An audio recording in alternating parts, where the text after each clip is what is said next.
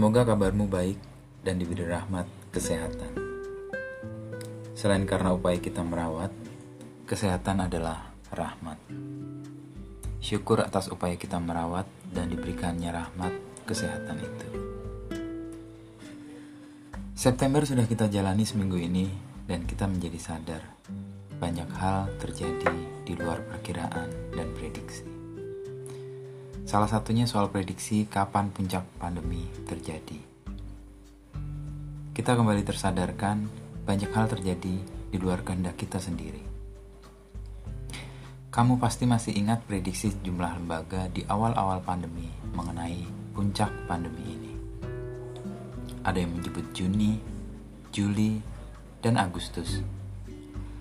September sedang kita jalani dan tampaknya puncak itu belum juga kita masuki. Pekan lalu, saat enam bulan kita dalam situasi pandemi karena COVID-19, rekor penambahan kasus harian tertinggi masih terjadi. Kamis 3 September 2020 lalu tercatat 3.622 penambahan kasus baru. Akumulasi kasus positif COVID-19 di Indonesia mencapai 184.268 dengan 7.750 pasien meninggal dunia. Kabar baiknya tercatat 132.055 pasien dinyatakan sembuh. Puncak pandemi kapan terjadi? Melihat melesetnya semua prediksi, banyak ahli dan lembaga tidak berani obral soal hal ini. Prediksi puncak pandemi paling aman memang menyebut rentang waktu dan ini dikatakan akhir tahun 2020 atau awal 2021 disebut sebagai prediksi. Apakah ini benar-benar akan terjadi nanti? Tidak ada yang bisa memastikan. Saya sendiri melihat hal itu sebagai harapan, bukan semata-mata prediksi. Sekali lagi, banyak hal terjadi di luar kendali kita dan upaya kita sendiri. Dalam situasi seperti ini, saya dan beberapa pemimpin redaksi media massa diundang ke Istana Kepresidenan RI di Bogor untuk bertemu Presiden Joko Widodo. Pertemuan terjadi pada 4 September 2020 selepas sholat Jumat. Ini bukan pertemuan pertama dengan Presiden Jokowi. Namun, ini pertemuan pertama sejak pandemi 2 Maret 2020. Pertemuan sebelumnya dengan peserta lebih banyak terjadi akhir 2019 di Istana Kepresidenan RI di Jakarta. Lokasinya di Istana Merdeka. Selain soal tempat yang berbeda, protokol sebelum pertemuan juga berbeda karena pandemi. Sebelum datang ke Istana Bogor, semua harus menjalani tes swab. Hanya yang hasilnya negatif yang bisa mengkonfirmasi kehadiran. Selama pertemuan pun, masker dan face shield atau penutup wajah wajib dikenakan. Meja panjang yang biasa dipakai Presiden Jokowi menerima tamu-tamunya diberi mika tebal dan tinggi di atas dahi ketika orang duduk sebagai pembatas. Jarak antar kursi yang dibuat juga lebih renggang. Meja yang biasanya biasa menampung 25 orang hanya diisi 16 orang saja. Tidak ada prasmanan seperti pertemuan-pertemuan sebelumnya. Dalam pertemuan ini, Presiden Jokowi didampingi Menteri Sekretaris Negara Pratikno, Deputi Bidang Protokol Pers dan Media B. Mahmudin, dan staf khusus bidang komunikasi dan sekaligus juru bicara Presiden Fajrul Rahman. Tepat pukul setengah dua, Presiden Jokowi tiba di tempat pertemuan. Kecuali masker kain warna hitam dan facial, tidak ada yang berubah dari Presiden Jokowi. Rambutnya pendek, tersisir rapi, kemeja putih lengan panjang tanpa aksesori kecuali pin merah putih di dada kiri. Celana kain warna hitam terlipat di mata kaki. Sneakers hitam dengan sol putih yang sudah mulai tipis dikenakan sebagai alas kaki. Sebelum pertemuan dimulai, saya mengamati face shield yang saya bawa sama persis seperti yang dikenakan Presiden Jokowi. Semula saya merasa tidak pantas dengan face shield yang diberikan istri saya yang dibeli dari pasar di dekat rumah. Tapi melihat Presiden Jokowi memakai produk yang sama, perasaan tidak pantas itu sirna. Face shield Presiden Jokowi harganya 12 ribuan juga. Dalam hati saya tertawa sekaligus gembira. Tanpa basa-basi menyebut semua peserta dengan jabatannya, pertemuan langsung dimulai.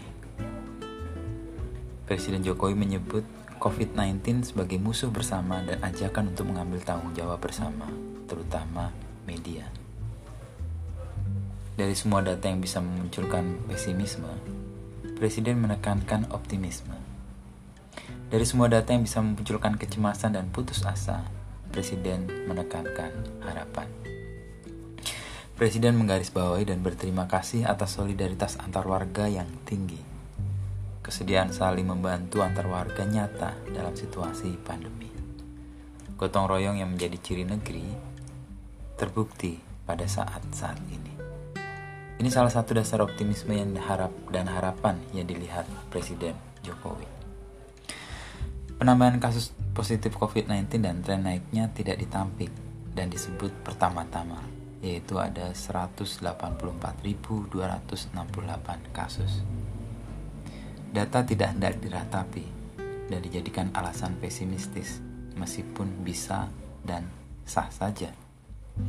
Dari data itu Presiden memperlihatkan bahwa 71,6% pasien sembuh meskipun berduka karena 7.750 pasien meninggal atau 4,2% dari total pasien.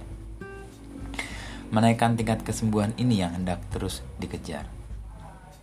Rata-rata tingkat kesembuhan dunia adalah 70%, sementara tingkat kematian 3,3%. Meskipun tingkat kesembuhan di Indonesia di atas rata-rata dunia, tingkat kematian masih lebih tinggi. Untuk jumlah pasien positif yang meningkat, Jokowi menyebut karena jumlah tes juga meningkat. Jika dibandingkan dengan negara-negara berpenduduk besar di seluruh dunia seperti Amerika Serikat, India, dan Brasil, Indonesia sebenarnya termasuk kecil jumlahnya.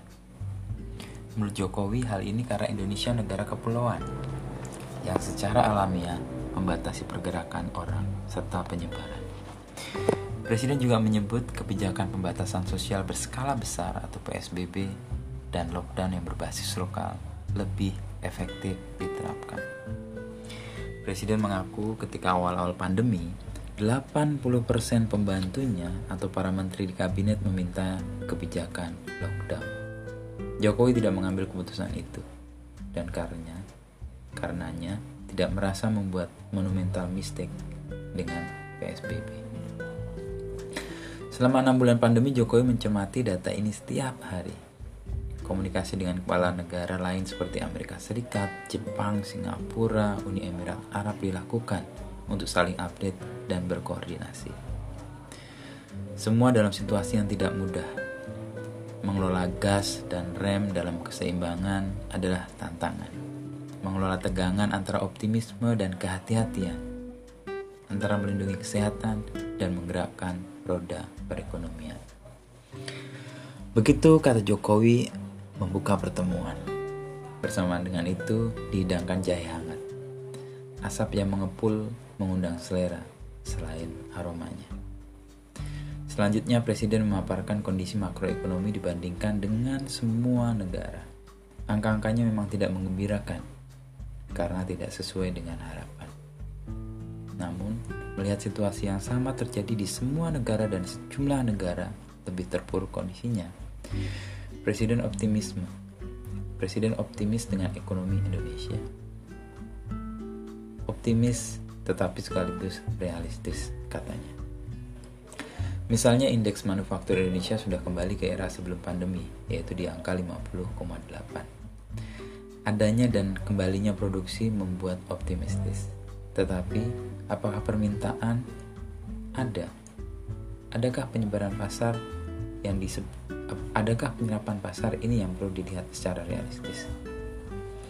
Di luar soal keselamatan, terutama keselamatan warga dalam bentuk kesehatan dan keselamatan warga dalam bentuk aktivitas ekonomi, situasi pandemi dirasakan membawa manfaat baik, terutama untuk digitalisasi di semua lini. Manfaat baik dan peluang ini akan dijawab dengan pembangunan infrastruktur digital di seluruh wilayah Indonesia. Presiden menargetkan sebelum periode kedua berakhir, infrastruktur digital harus sudah selesai. Untuk kesehatan, selain menerapkan protokol dengan disiplin tinggi, pemerintah fokus untuk meningkatkan kapasitas produksi vaksin yang saat ini tengah diuji coba di tahap ketiga.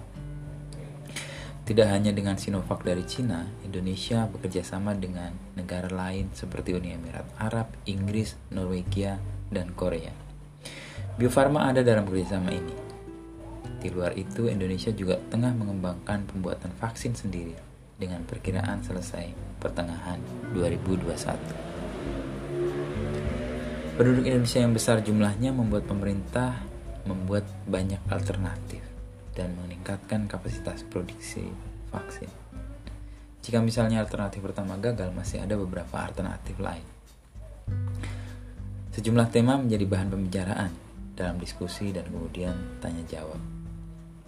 Angin semilir yang berembus dari arah utara dan menerobos pintu-pintu besar Istana Bogor mendinginkan hangat minuman jahe. Ada pertanyaan soal pemilihan kepala daerah terutama soal putra sulung Presiden Jokowi yaitu Gibran Raka Buming Raka yang maju sebagai wali kota Solo dan menantunya Bobi Nasution sebagai calon wali kota Medan. Jokowi memberi kode petugas untuk menutup angin dengan menutup pintu utama yang mengarah ke kota di mana denyut nadi ekonomi terlihat nyata. Terhadap pertanyaan pilkada, Jokowi berharap bisa dijalankan dengan baik meskipun situasi tidak normal karena pandemi. Jokowi juga minta agar kandidat tidak memanfaatkan COVID-19 untuk pilkada. Demokrasi penting, kesehatan dan keselamatan nomor satu. Pertanyaan tentang keluarganya yang maju pilkada tidak dijawab secara langsung. Jawaban umumnya adalah demokrasi penting, kesehatan dan keselamatan nomor satu. Selama pertemuan, selain jahe hangat dan semilir angin sejuk yang kemudian ditutup pintunya untuk menghindarkan dingin yang berlanjut, suasana istana Bogor semarak dengan suara kambing yang bersaut-sautan mengembik. Kandang kayu didirikan dekat kolam ke arah makam di kebun raya Bogor. Sejak tinggal di Bogor, Jokowi memelihara lima ekor kambing. Tiga di antaranya betina, dua jantan. Pertengahan 2002, pertengahan 2017, kambing beranak pinak dan berjumlah 11 ekor. Tiga tahun berselang, jumlahnya menjadi lebih banyak. Itu tercermin dari suara kambing mengembik yang bersaut-sautan. Beberapa penelitian menyebutkan kambing lebih sensitif pada perubahan dibanding hewan ternak lainnya. Mengembik adalah ungkapan sensitivitasnya. Kambing juga peka dan bisa mengenali suara anaknya dengan lebih baik meskipun sudah terpisah jarak cukup lama. Suara kambing tampaknya mengingatkan Jokowi pada kampung halaman Solo, tempat saat ini anaknya akan bertarung dalam pilkada. Salam PK.